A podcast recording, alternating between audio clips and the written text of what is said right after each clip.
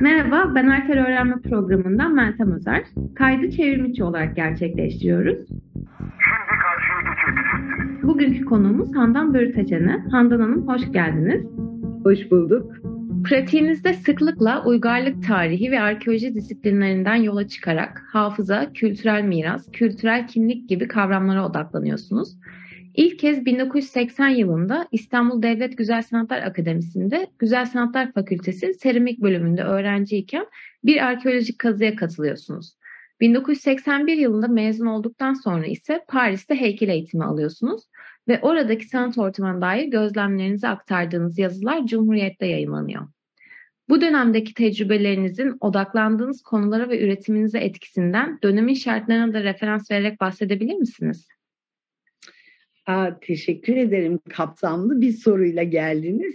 Ee, şöyle bir toparlamam gerekirse e, düşünün bir genç bir insan yani e, kendimden bahsediyorum o dönemde.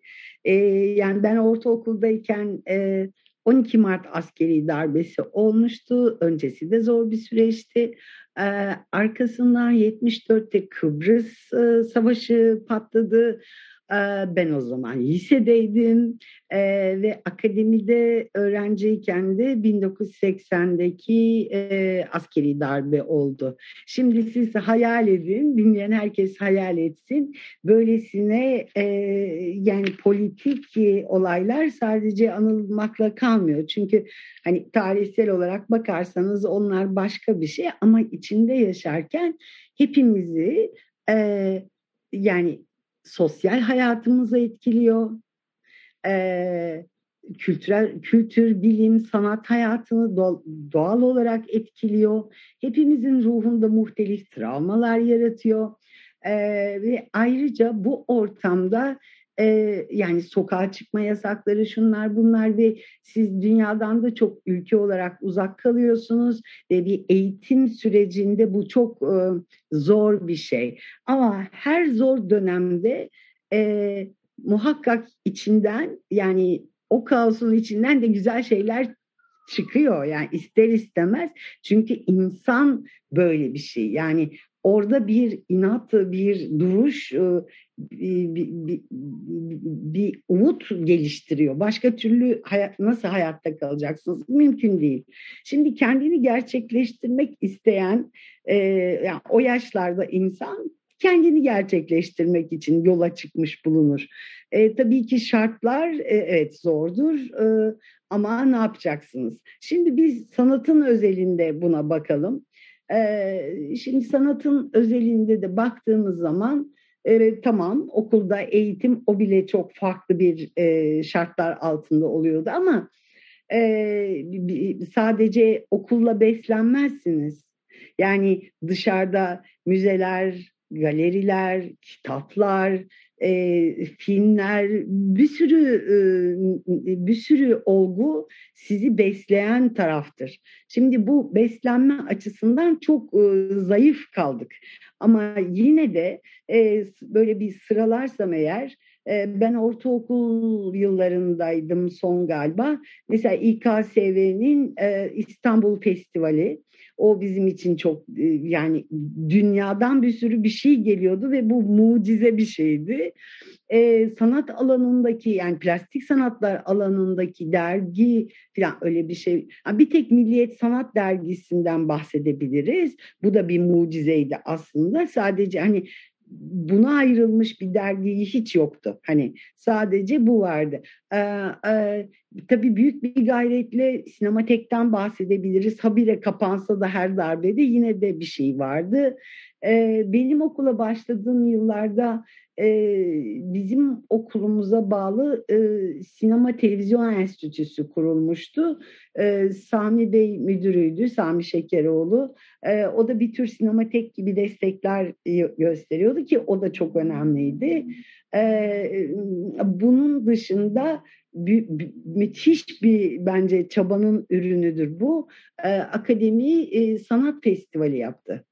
Şimdi bu sanat festivali hani sanki bütün bu söylediklerim gibi e, hani çölde vaha bulmuş gibi oluyorsunuz. Gerçekten öyle yani e, başka olanak yok hani. Hı hı. E, neyse şöyle toparlayayım ben. Bunun önemi neredeydi? Özellikle kendi adıma söylüyorum bunu. E, çünkü bu festivalin yani akademinin başlattığı bu festivalin bünyesinde yeni eğilimler sergisi vardı. Şimdi bu yeni eğilimler sergisi 70'lerin ortasında başlamış oldu ve e, değil bizim Türkiye'nin çağdaş sanat dediğimiz o o şey neyse onunla ilk karşılaştığı bir sergi ortamıydı bu. Ee, yani öğrenciyken bu başladı ama öğrenciliğimin son yılları itibariyle ben de birçok kez bu e, jürisi olan bir jüriden geçerek katılan bir sergiydi Yeni Eğilimler sergisi. Dediğim gibi o ortamda mucize bir şeydi ama ben de bu sergilere e, işlerim kabul edildi sergiye ve e, benim de aslında başlangıç noktam oldu. Şimdi bütün bu saydığım ortamlar içinde e, siz kendinizi gerçekleştirmek istiyorsunuz. Hayallerinizi yani bir Handan hayal ediyorsunuz. Başka birisi bir Ali hayal ediyor. Bir şeyler yapmamız gerekiyor. Şartları demin kabaca bahsettim. Şimdi bunun içinde yaratıcı yanınız e, harekete geçiyor ister istemez. Yani ben nereden nasıl beslenirim? Nasıl e, yol alırım diye. E, ve bu arada minik bir düzeltme yapacağım ama çok haklısınız. Seramik fakültesi demekte. E, 1980 darbesi sonrasında YÖK diye bir şey icat edildi ve e, Güzel Sanatlar Akademisi Mimar Sinan Üniversitesi oldu. Öyle olunca fakülte oldu. Biz seramik bölümünde okuduk. Yani ben seramik bölümünde okudum. Evet Şöyle söyleyeyim şimdi e, geçmiş akademinin geçmiş e, e, yıllarında. Hatta yazın hatta akşamları e, da okul pek kapanmazmış. Bırakın yazın bile kapanmazmış. Ama bizdeki sistem e, yani okul hep e, polisin ve askerin gözetiminde olduğu için böyle şeyler söz konusu değildi yani atölyemiz elimizden alınıyordu ve biz Hani kendi şartlarımızla bir şekilde çalışmak zorundayız ya da çok zorlukla özel izin gerekiyor. Peki bu koca 3 ay 4 ay nasıl geçecek? Ee, ben bu hani ne müzelerimiz vardı ne, ne merkezlerimiz yani ne arterimiz vardı ne şu hiçbir şeyin olmadığı yıllardan bahsediyorum. Ee, ama elimizde orijinal eser görmek için iki tane müze vardı. Hı hı. Ve bir de İstanbul'da olduğum için şanslıydım. Bir de İstanbul yani tarihi yarıma da vardı. Şimdi e, bu, bu iki müzeden bir tanesi yine e, şeydeki o zaman Beşiktaş'taydı resim heykel müzesiydi. Mimar Sinan'a bağlı yani o zaman öyle bir bağlantısı yoktu. Resim heykel müzesinde e, bir yapıt yani bir resim görürseniz bir heykel görürseniz görebilirdiniz.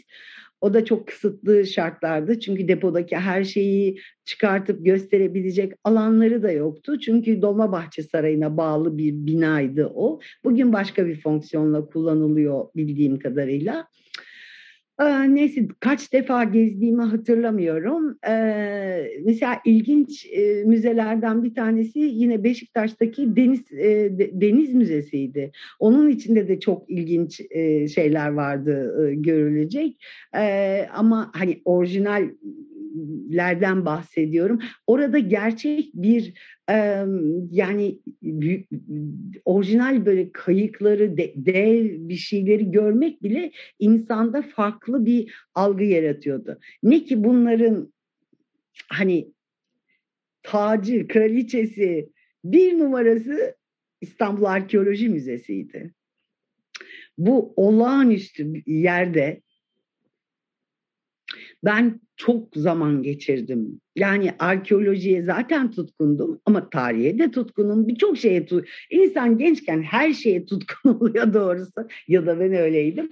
Ama arkeoloji müzesi gerçekten beni çok beslemişti. Hani ta lise yılı, ortaokul liseden beri devam eden bir şeyden bahsediyorum. Hı hı. Akademiyle başlayan bir şey değil bu. Ondan sonra fakat o yıllarda e, iyice besleyici yanı yükseldi ve kendi kendime şey dedim.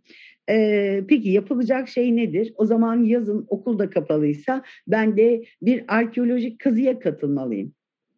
Ama bunun böyle aa ne böyle hani sosyal olay olsun falan gibisine değil. Çünkü şöyle bir durum vardı.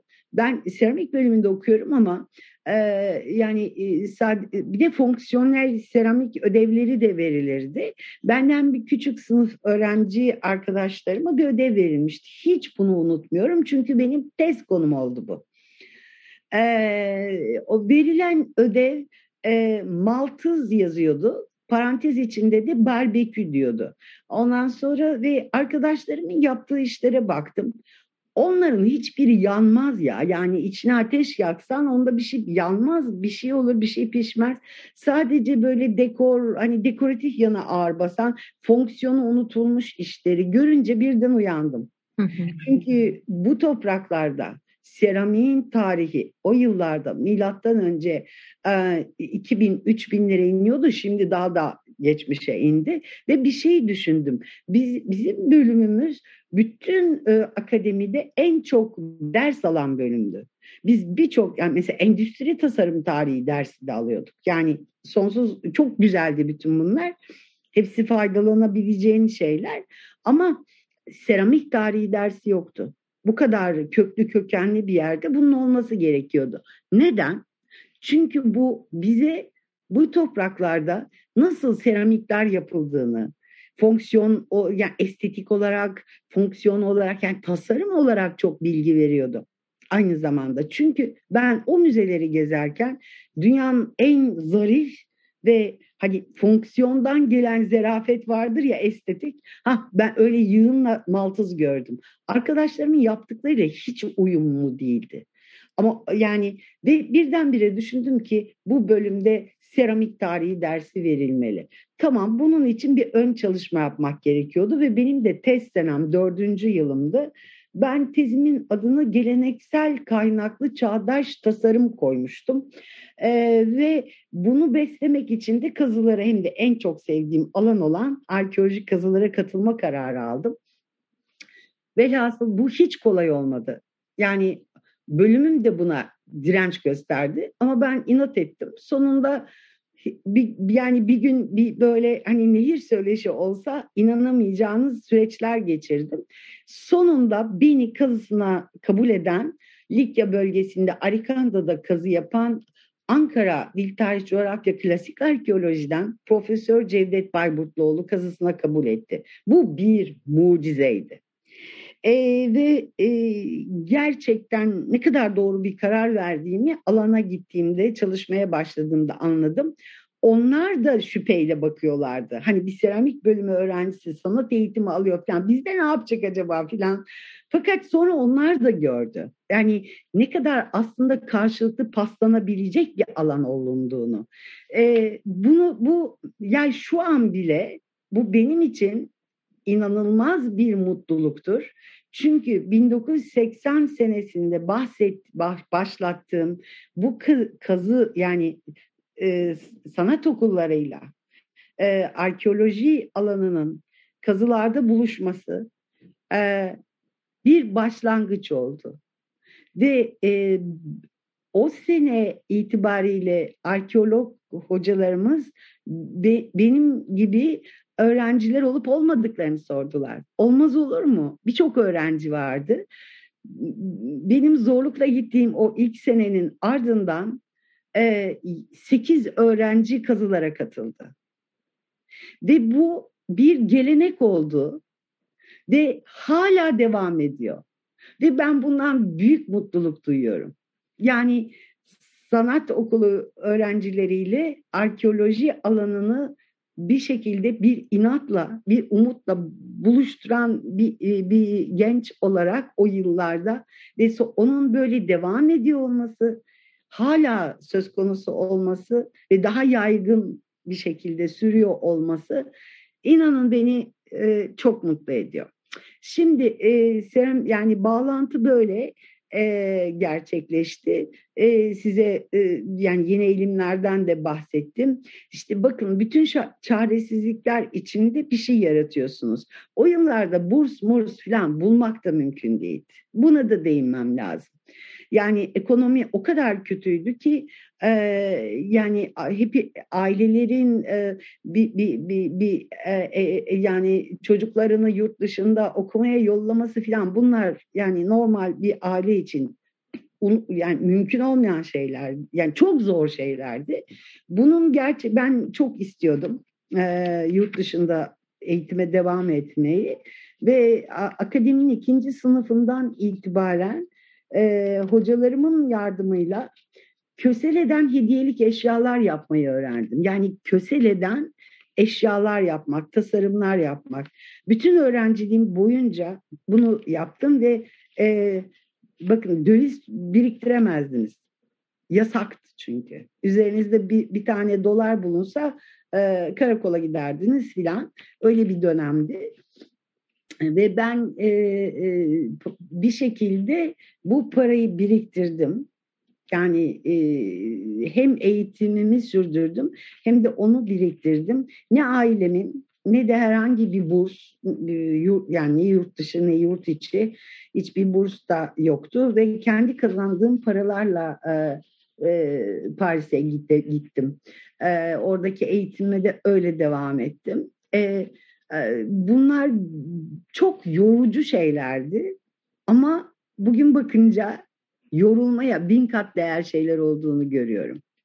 Bir kişinin kendisini gerçekleştirmek için demek ki e, biraz inatçı olması gerekiyor herhalde ve yaratıcı olması gerekiyor. Yani fikri olarak da yaratıcı olması gerekiyor. Öyle düşünüyorum. Ondan sonra fakat e, az önce dedim ya yani mesela akademinin e, kütüphanesinde biz yeterli yani yurt dışından bir dergi gelsin falan öyle yok. Hayal dünyası bir tek mimarlık bölümü için bir dergi gelirdi. Tabii ki ona da bakardık ama sanatla ilgili bir şey bulmak çok zordu. E, ve e, o günün yani bütün şartlarının içinde gerçekten Türkiye dünyaya çok uzaktı ve çok kapalıydı ama dünya da Türkiye'ye çok uzaktı. Yani onlar da böyle çok sergiler getirmiyordu falan. Yani bunlar of apayrı konuşulması gereken bir şeyler. Ee, ve yani Paris'e gitti. O yılların gittiğim zaman 1981'de gittim ben. 82'de Cumhuriyet Gazetesi'nde bir değişiklik olmuştu. Ee, ve e, tam sayfa, tam iki sayfa kültür sanat sayfaları yapıyorlardı her gün. E, o zaman e, ve dünyaya çok açık olmak istiyorlardı, haberdar etmek istiyorlardı insanları e, ve benden de oraya yazmam istediler e, ve ben de e, yani o ortamda ne oluyorsa e, onları e, yazmaya başladım. E, ya, yani 82 ile 91 yılları arasında sürekli e, kimi zaman röportajlar yaptım, kimi zaman işte metinler yazdım, fotoğraflarını çektim. Yani o da bambaşka bir hikayedir aslında. E, yani ama bütün bunlar e, kendinizi tekrar tekrar aynı şeyi söylüyorum ama e, yani bugünkü Handan kimdiyse onu gerçekleştirmek için e, çıkılan yolun hikayesi aslında. Ve bu kadar bir şey yani. Bir şey eksik söyledim mi, söylemedim mi inanın bilmiyorum. Çünkü çok kapsamlı bir soru. Ama e, bende kalan demek ki bunlar. Yani bu sorunun karşılığında şimdi düşündüğünüzde eminim söylenecek çok şey var. Ee, ama mesela o arada tezimi de bitirdim. Onu da söyleyeyim, unuttum onu. Ee, çok merak ediyordu hocalarım yani e, ben ne anlatacağım diye. Ee, o tez de bence çok sıra dışı olduğunu onlar söylediler. Çünkü hep böyle sınıfta filan olurdu. Ben e, e, çok emek vermiştim. E, ve şey istedim, bir amfi istedim. Onun için bile mücadele etmek zorunda kaldım. Hatırlıyorum. Birçok konuda çok mücadele oldu. Olsundu. Ee, önemli olan hayata geçirmekti. Çünkü e, öyle bir şeye ihtiyacım vardı öyle bir mekana. E, çünkü çift pro, projeksiyon makinesi kullandım. Dia makine yani bir dia gösterme makinesi.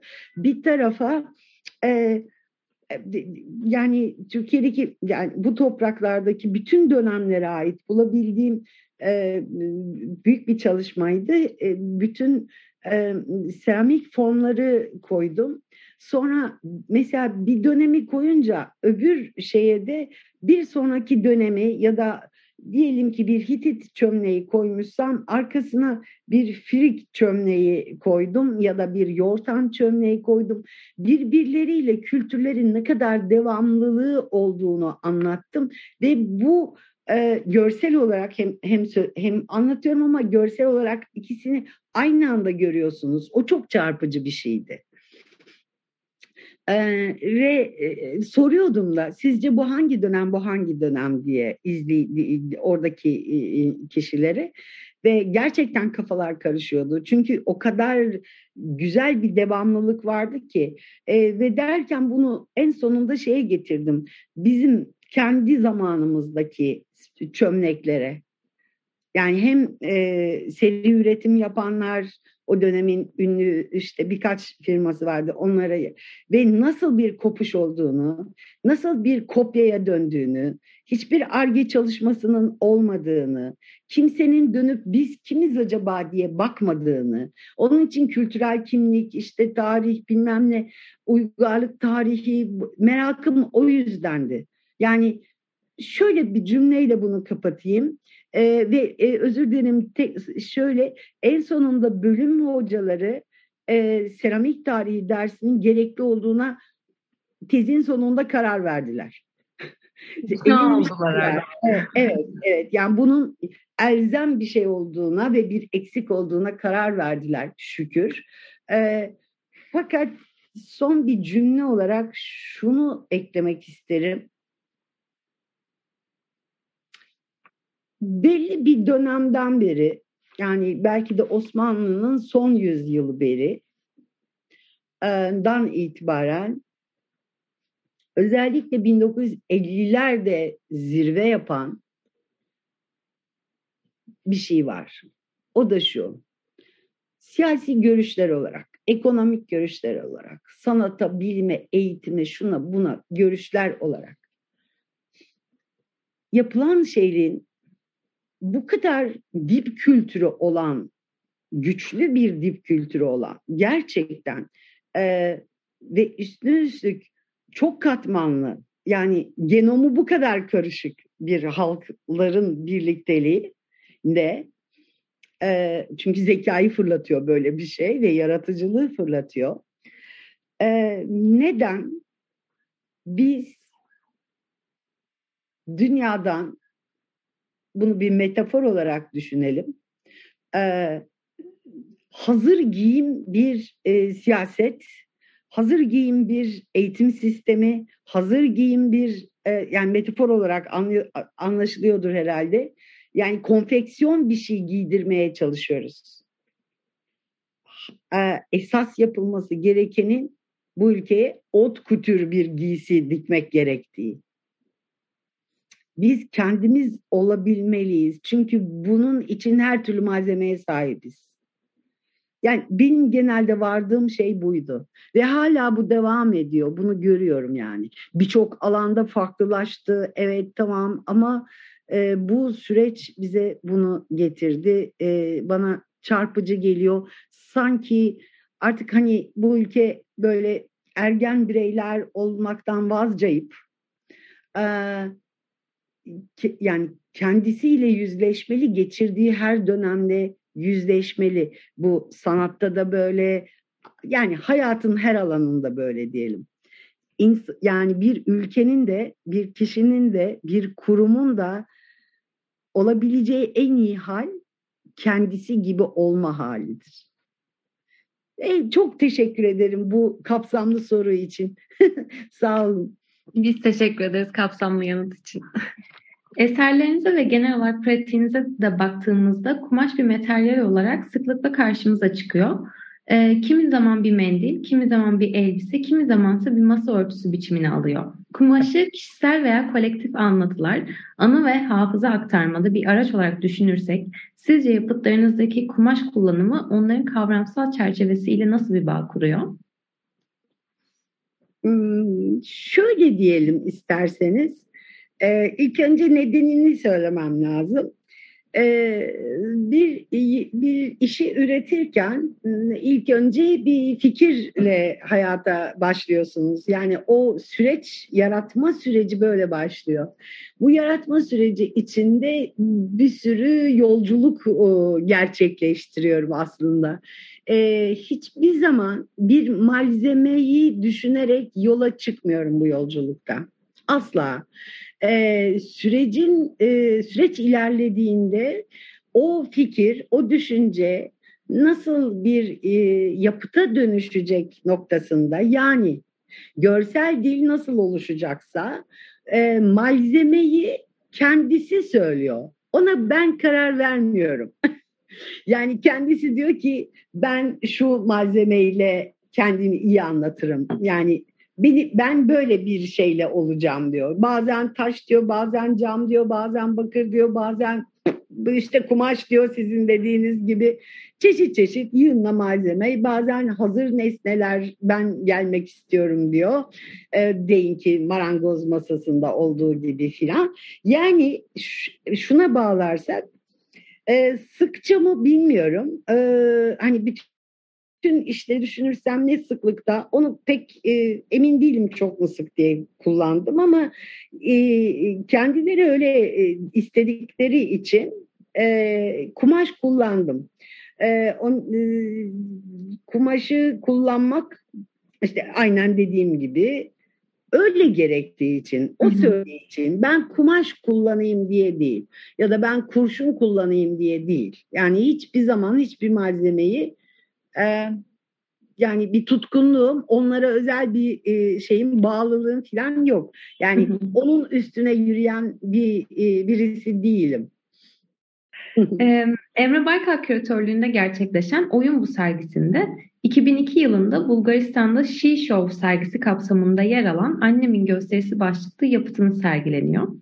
Bir işleme ustası olan anneniz Hesne Hanım'dan kalan bir masa örtüsünü buluyorsunuz ve ardından ablanızı, teyzenizi, teyzelerinizi, kuzeninizi ve annenizin çok yakın bir arkadaşını davet ederek hep birlikte örtüyü işlemeye devam ediyorsunuz.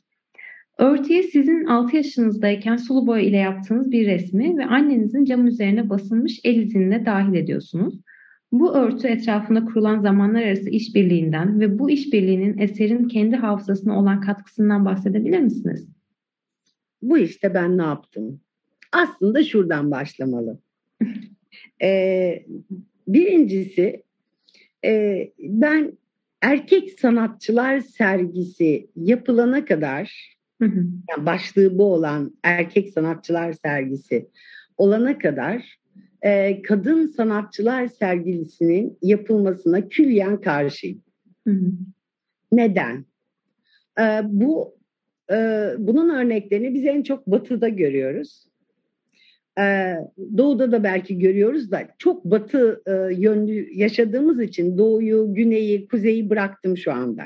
Hep batı üstünden bağlantılar kurarak, referans vererek konuşuluyor Türkiye'de. O yüzden öyle söylüyorum şu an kolaylık olsun diye. Halbuki kuzeyimiz, güneyimiz, doğumuz her tarafımız var. Tabii bu bir algı. Her neyse. E, çünkü e, Orada kadın e, gerçekten kadınlar e, hayatın birçok alanında sanat da buna dahil dışlanıyorlar. Evet kabul görmüyorlar. E, bu çok yakın tarihlerde biraz değişti ama Türkiye'de bu iş böyle değil.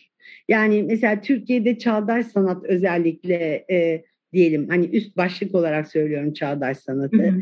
Bir kere başlatanların e, çoğu e, yani biz kadınlar başlattık yani bunu. Ama kadınız diye başlatmadık ya. Aramızda tabii ki e, çok az sayıda öteki cins erkekler de vardı ama yani e, çoğunluğu kadındı ve, ve yürüdük gittik yani. Bildiğimiz işe inandık ve birlikte de davranıyor falan değildik bir grup değildik hiçbir zaman birbirimizi hatta ben kendi adıma söyleyeyim hiç kimseyi tanımıyordum da sonra sonra tanıdım insanları. E, fakat şöyle bir şey e, ve bu tür sergilere de e, katılmama kararı aldıysam da birçoğuna gerçekten katılmadım. Kadın Sanatçılar Sergisi başlığında. Fakat bazılarına da katılmak durumunda kaldım. Şimdi bu e, Bulgaristan'daki sergi bana teklif edildiğinde, geldiğinde iki küratörü vardı. E, çok da güzel bir tekst yazmışlardı. Metinler çok güçlüydü. Fakat kendilerine zarifçe e, bir mektup yazıp demin söylediğim düşüncelerimi yazdım ve sergiye katılmayacağımı söyledim. Onlar da beni e, olmamı isteseler de bu sergide anlayışla karşıladıklarını söylediler. Bu yazışmadan aşağı yukarı bir ay sonra ben o sırada e, e, Bonn'da bir e, Bonn Müzesi'nde bir hatta sergi hazırlıyordum. Orada çalışıyordum o sırada. E, bir, bir buçuk ay sonraydı yanılmıyorsam. E, Nasıl olduğunu ben de bilmiyorum ama e, 96 yılında vefat eden annem rüyama geldi. E, ve e, bu gerçekten çocukluğumuzda yani benim çocukluğumda anne, annemin babamın evinde var evimizde var olan o masa örtüsü e, serdi rüyamda. E, bir, bir masanın üstüne koydu onu ve e, demin siz söylediniz işte annem bir nakkaştı ve e, bir sürü e, boncukları, payetleri, pulları bir sürü bir şey vardı. Onları rengarenk o örtünün üstüne rüyamda böyle e, hani e, bir bir, e, bir giysi için bir e, nakış tasarlayacağı zaman yaptığı gibi çünkü onu e, öyle seyrederek büyüdüm ben. O örtüde hakikattir bu ben de yaramazlık etmeyeyim diye annemin çünkü çok son çocuğuyum ben ve hani ona göre e, ayak bağı gibiydim ben. Neyse e, çok anlay anlaşılır bir durum bu. Beni de oraya yaramazlık ya da bir şey etmeyeyim gözünün önünde durayım diye oturtururdu. Ondan sonra karşısına işte boyalar bir şeyler verir. Ben de öyle oyalanırdım. Onlara attı. E, boncukları böyle serpti. E, bir şey tasarlarmışçasına ve sonra bana döndü e, dedi ki bunu al götür ve Bulgaristan'daki sergide sergile dedi. E, ben bir, çok korktum. Yani büyük bir korkuyla rüyamdan uyandım. Hı hı. Ee, ve otelin dışına fırladığımı hatırlıyorum. Yani kış günüydü, çok soğuktu. Yalın ayak böyle geceliğimle fırladım. Ee, sonrasında e, o detaylara hiç girmeyeyim zamanımız dar diye. Sonra tekrardan yani böyle battaniyeler koşturdu resepsiyondakiler ne oldu filan hasta mıyım zannettiler. Yok dedim bir rüya gördüm.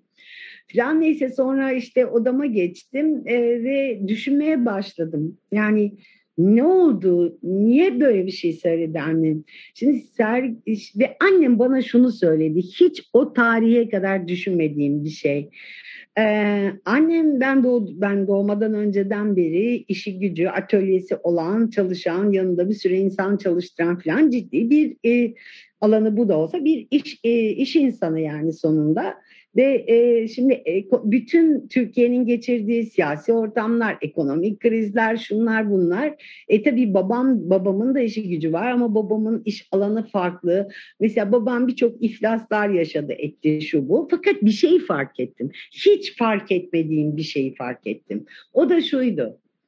Her ne olursa olsun bizim yaşam standartlarımız hiç değişmiyordu. Bunu fark ettim. Yani hiçbir şeyimizden, şartlar neyi gerektiriyorsa hiçbir şeyimizden eksik kalmıyorduk. Ve bunu bunu sağlayanın aslında annemin olduğunu fark ettim. Annemin aileye getirdiği ekonomik katkının sağladığını fark ettim.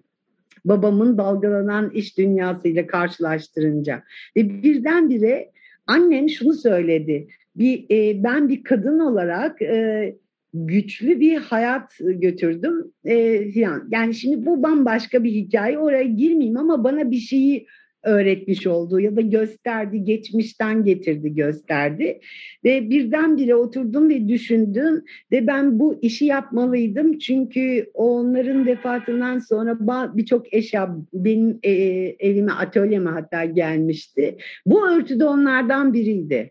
Yani örtü atılmamış, kalmıştı. Hı hı. Ve annemin boncukları da bendeydi. Yani kutular içinde falan işte her şeyi, pulları, payeti, kristalleri her neyse. Ve bunu çocukluğumdaki hal ile bağlantılandırdım. Bir de annemin e, annemden bana kalan kadınları düşündüm. E, bazı onlar ablam hariç diğer bütün e, kadınlar, teyzeler, e, şu işte Bengü teyze bilmem hepsi onlar annemle e, e, annemin atölyesinde ara, dönem dönem çalışmışlardı bir de. Yani e, bu işi biliyorlardı nakış yapma işini falan. Neyse. Ve sonra ben e, bunu yapmaya karar verdim. Annemin sözünü hayata geçirmek yani o anlattığını bana hatırlattıklarını hayata geçirmek gerekiyordu. Ama sanatçısı ben miydim? Bunu ben emin olamadım ilk anda ve ondan sonra da iki küratörümüze ortak bir mektup yazdım ve şunu dedim. E, olay böyleyken böyle e, eğer kabul ederseniz e, ve hala hani mümkünse e, geçi yani şartlar müsaitse e, bu sergiye Hesna Börteçen'e katılacak. Ben uygulayıcısıyım. Yani bunu kabul ediyorsanız bu sergiye katılacağım dedim. Evet. Ve bu iş böylelikle çıktı. Ee, evet. Galiba sorunuza anlatacağım şey bu. Yani işbirliği, şu bu. Hı hı. Aslında her şeyi o planladı. Rüyama gelip planladı. Ee, o bir rüya mıydı onu da bilmiyorum ama rüya gibiydi yani. Ee, ve ben bunu böylelikle kendimce e, annemin boncuklarıyla o şeyle bakın orada her şey hiçbir şeyde betimleme falan yok. Her şey orijinal. Masa örtüsü orijinal, annemin tes, yani bir iş, bir şey bir nedenle aldığım elizi, benim yaptı o dönemde gerçekten o sıra yaptığım e, resim, her şey e, olduğu gibiydi. Böyle bir iş çıktı ve Bulgaristan'da sergilendi. 2002 yılıydı yanlış hatırlamıyorsam. Ee, ve ondan sonra da 2002 yılında oradaki sergilenmesinden sonra ilk defa sergileniyor. Türkiye'de de ilk defa sergileniyor. Emre Baykal'ın küratörlüğünü yaptığı oyun bu sergisinde Arter'de. Oya Ayman'ın Düşünmeye Çare için Çalışıyorum manşetiyle kaleme aldığı köşe yazısında yer verdiği bir alıntınızda çalışma ve yaratma sürecinizi üç aynalı bir sistem olarak açıklıyorsunuz. Bu üç aynadan ilki yaşadığınız, gördüğünüz olayların direkt yansıdığı ham bir ayna. Ardından e, buradan yansıyanlar sizin birikimlerinizin, sizi oluşturan olguların bulunduğu bir başka aynaya dönüşüyor. Onlar burada geçmişin deneyim ve birikimlerinizle sentezleniyor. Yani daha önceki birikimlerinizle yaşadıklarınız birleşiyor bu aşamada. En son aynada ise bu sentezler aktarılarak üretime dönüşüyor. Bu ayna tasviri eserlerinizin kendi hayat deneyimlerinizden ve birikimlerinizden oluştuğunun da bir göstergesi. Oyun bu sergisinde yer alan Annemin Gösterisi eserinizin üretim sürecini bu üç aynalı sistem üzerinden nasıl değerlendirirsiniz? Hmm, bu çok güzel bir soru. Ee, bakın bu defa bu üç ayda sistemi evet bu doğrudur. Yani e, yani yaratıcı süreçte gerçekten e, bir sembol olarak aynaları e, evet e, çok e, anlatırken söylerim çünkü e, iyi bir metafor bu ama e, burada yani bu söz konusu olan bu işte e, annemin şovunda e, olay böyle gerçekleşmedi. Ortada bir ayna var dersek bu ayna bu defa hayatımda ilk kez e, küre şeklinde bir aynaydı. Yani bir küre hayal edin. Bunun tamamı ayna. İçinde hepimiz varız. Yani ailem, yaşadıklarım, bütün hayatım, çocukluğum, o, gen, o günkü handan her şey var. Yani bu bir bütündü. Ee, onun için hani bir şey bilicilerin şeyleri vardır ya cam küreleri. Bunu ayna gibi düşünün. Ee, tabii ki olayın bilicilikle alakası yok ama e, belki rüyanın etkisi bunda vardır ve gerçekten de bu defa bu bahsettiğim yani yarat, yaratım sürecindeki bu aynalar burada hiç yoktu. Dediğim gibi bir e, ayna küreden bahsedebilirim burada. Evet bu ayna bu kürenin içinde bütün zamanı yaşanmışlıkları, duyguları, her şeyi bir, bir arada gördüm. Sanki şey gibi e, sferik bir ekranda izlediğiniz, yatarak izlediğiniz bir filmi izler gibi. E, bunu e, e, ilk defa bir, bir işi yaratırken küre olarak e, e, tanımladım. E, içinde her şeyi buldum. E, bu çok nadir olan bir şey. E, hiçbir yapıtımda yani çok nadir. Bakın iki tane yapıt var bugüne kadar. Sadece kendim ve kendimi anlatan. E, bu işte öyledir. Bir de bir otoportrem var. Her ikisi de e, sadece benim kendimle olan ilişkimi anlatan işlerdir. E, demek ki kendimi böyle e, deşifre etmek, dışarıya vurmak çok da e, yapamadığım bir şey. E, ama bu defa e, bazen gerekiyor. O defalarda yaptım bunları. Çünkü çok içimden geldi onları yapmak. Kendimle bir e, yüz yüze gelmek gibi diye, diyelim buna. Kendimi daha iyi tanımak için e, bir e, hadi ayna diyelim buna. İster küre ayna, ister düz ayna, ister bombeli ayna e, ama orada kendimi gördüm. Evet böyle. Bize zaman ayırdığınız için çok teşekkür ederiz Handan Hanım. Handan Börtece'nin Annemin Gösterisi yapıtının da yer aldığı Oyun Bu sergisi 9 Nisan 2023 tarihine kadar görülebilir. Gelecek podcastlerde görüşmek üzere. Hoşçakalın. Ben de çok teşekkür ederim. Hoşçakalın.